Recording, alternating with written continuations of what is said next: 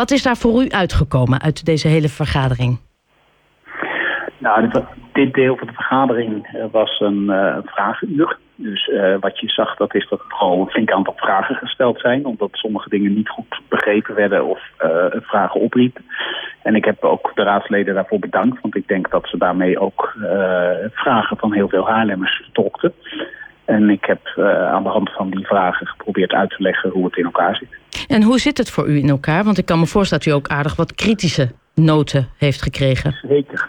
Zeker, zeker, zeker. Um, heel veel mensen kunnen het ook niet begrijpen. Die hebben zoiets van, joh, twee jaar lang zit de nachthoreca uh, uh, al zo ongeveer met, met, met complete beperkingen. Um, en, en ja, mogen ze nu ook een keertje uh, van zich laten horen en laten zien van dat het klaar moet zijn. En ik denk dat dat ook breed bij de bevolking leeft, van dat het klaar moet zijn. En waarom mag dat van u niet? Ik ben begonnen met te zeggen van ik heb daar alle begrip voor. Ik begrijp dat ook. Er zijn eerder acties geweest van uh, de horeca en van de cultuursector.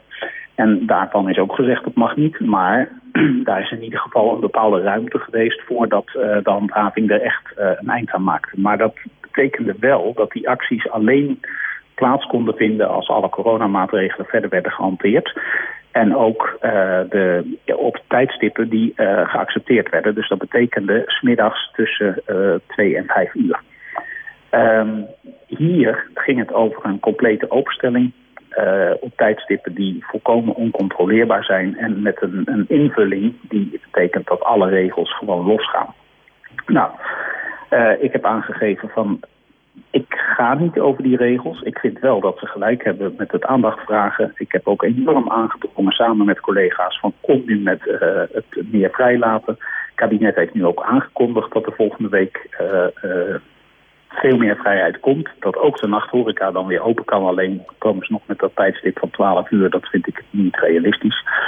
Dat heb ik ook laten weten. Maar goed, in ieder geval, er wordt een hele belangrijke stap gezet. En daarin uh, vinden we elkaar ook. Ja. Maar, op het... maar uh, tegelijkertijd, tegelijkertijd geldt... Um, het is ontzettend belangrijk dat we in een strijd met zo'n afschuwelijke ziekte... een epidemie die ons al twee jaar lang uh, verlamt uh, dat we ons houden aan de spelregels van er moet iemand zijn, een regisseur, en dat is het kabinet die de regels uitvaardigt. En maar... het is niet de bedoeling uh, dat, dat iedere gemeente daarin dan een eigen lijn gaat volgen... of zelfs iedere groep zelf gaat bepalen wat wel of niet kan. En ik denk dat dat belang echt heel erg groot is. Ja, en ik, ik snap wat u zegt. En hè, u zei zelf ook, er zijn natuurlijk ook mensen die het met u eens zijn. Er zijn natuurlijk ook uh, gezegd, nou, er wordt met twee maten gemeten. Want de, de, de, de, als de horeca He, de, waren, laat ik het anders zeggen. Mensen zeggen 50.000 euro als dwangsom is erg disproportioneel. Zeker ja, als we het ja. vergelijken met Amsterdam. Vijf, dat is een nul minder. Ja, maar daarvan heb ik ook uitgelegd... kijk, mijn bedoeling is niet om die boete op te leggen. Mijn bedoeling is om te zorgen dat we dat niet doen. Dat we gewoon gesloten blijven. Ondanks dat die versoepelingen om de deur staan. Om de hoek staan. Ja, het, ja. het lukt mij helaas uh, niet. Ja. Uh, maar goed, ik heb geprobeerd, ik heb geprobeerd om uh, duidelijk te maken van... jongens, wat mij betreft moeten we die boete niet krijgen. We moeten gewoon weg deze openstelling nu niet doen. Volgende week krijgen we gelukkig, kan het wel, nu niet... En deze boete moet voldoende uh, hoog zijn en afschrikkend zijn om inderdaad de keuze te maken, we doen het niet. En uh, dat vind ik het nadeel van een lage boete, want dat is waardeloos voor bedrijven die het zo zwaar hebben en die dan ook nog eens een keer een boete van een paar duizend euro krijgen, maar hij is te laag om effectief te zijn. Dus ik heb ervoor gekozen om een boete vast te stellen die dusdanig is dat het ook inderdaad het beoogde effect heeft, namelijk niet open gaan. Had u, had u liever gezien dat dat gewoon landelijk was geregeld? Dat niet, nu niet de ene burgemeester zegt... ik doe er een nul bij en de andere zegt ik doe er een nul af?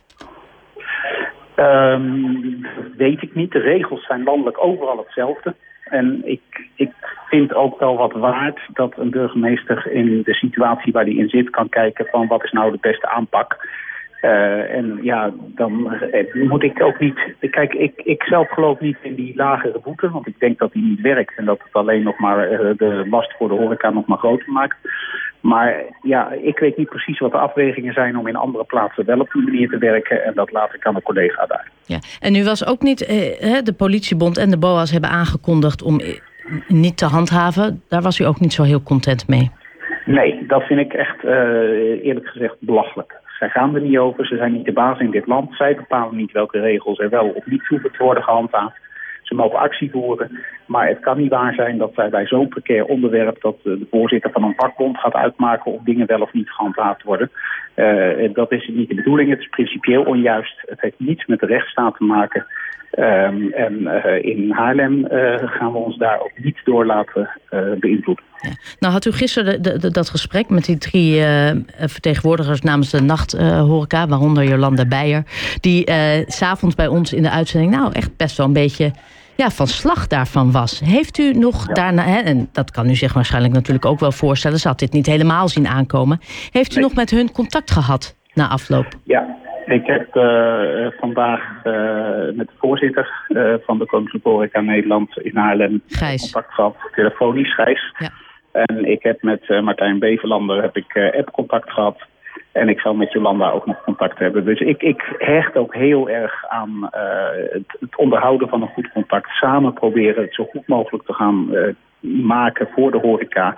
Ik wil ze ook echt graag steunen, maar wel op een manier die begaanbaar is. En dit was volgens mij niet begaanbaar. En dan ben ik wel heel duidelijk. En ik denk dat dat uiteindelijk in ieders belang is. Want uh, ik kan wel een beetje meepraten. En als het dan uiteindelijk chaos wordt, dan is niemand daarmee gedaan. En dan nog even terug naar iets wat u zei. U zei dat die 12 uur, hè, als die versoepelingen komen, zei u die 12 uur vindt u niet haalbaar. Wat bedoelde u daarmee? Nou, uh, ik heb niet gezegd dat het niet haalbaar is, maar ik vind het onverstandig. Um, dus wat ik, zou u dan ik, voorstellen? Nou, ik, ik, ik, ik zou zeggen van uh, als je volgende week tot de conclusie komt van we gaan de coronaregels loslaten, dan zou ik zeggen ga dan niet dat ene kleine stukje nog vasthouden. Want dat, dat raakt eigenlijk alleen de nachthoreca dan. En uh, ja, als je de mensen mogen uitgaan van, van, van, van 10 tot 12 of van 9 tot 12, kunnen dansen, noem maar op.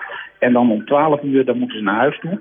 Dan denk ik, ja, wat, wat denk je daar dan voor de ziekte aan positief effect te bereiken? Uh, besmetting die is niet na 12 uur anders dan voor 12 uur. Uh, en eerlijk gezegd heb ik ook niet het idee dat je dan na 12 uur plotseling vele, veel meer mensen gaat krijgen. Want uh, ja, je, je verplaatst wat naar een vroeger tijdstip. Dat is voor de mensen niet leuk. Um, maar voor de bestrijding van de ziekte heeft het niet zoveel toegevoegde waarde. Dus mijn oproep zou zijn aan het kabinet van joh, ik snap het. Ik snap ook dat jullie angstig zijn om het helemaal los te laten. Maar ik denk dat dit tijdstip dat dat weinig toegevoegde waarde heeft uh, voor de bestrijding van de ziekte. Maar wel weer een heel vervelend uh, effect heeft voor de sector. Dus dan is dus het. Ik zou dat niet doen. Dus, uh, dus eigenlijk zegt u aanstaande zaterdag niet open, dicht nog, de Noordhoreca. Ja. En dan zodra ze versoepelen, dan ook echt versoepelen. Dat is eigenlijk wat u zegt. Dat zou ik graag willen, maar ja. daar ga ik, dat nee, ik daar gaat u niet over. Ik ga er niet over. Daarover gaat u niet, nee, dat klopt. Nee. Uh, burgemeester Wiene, heel erg bedankt voor uw tijd. En uh, nou ja, heel veel succes nog even met de rest van de commissievergadering. Ja. Dank u wel. Oké, okay, bedankt. Ja, graag.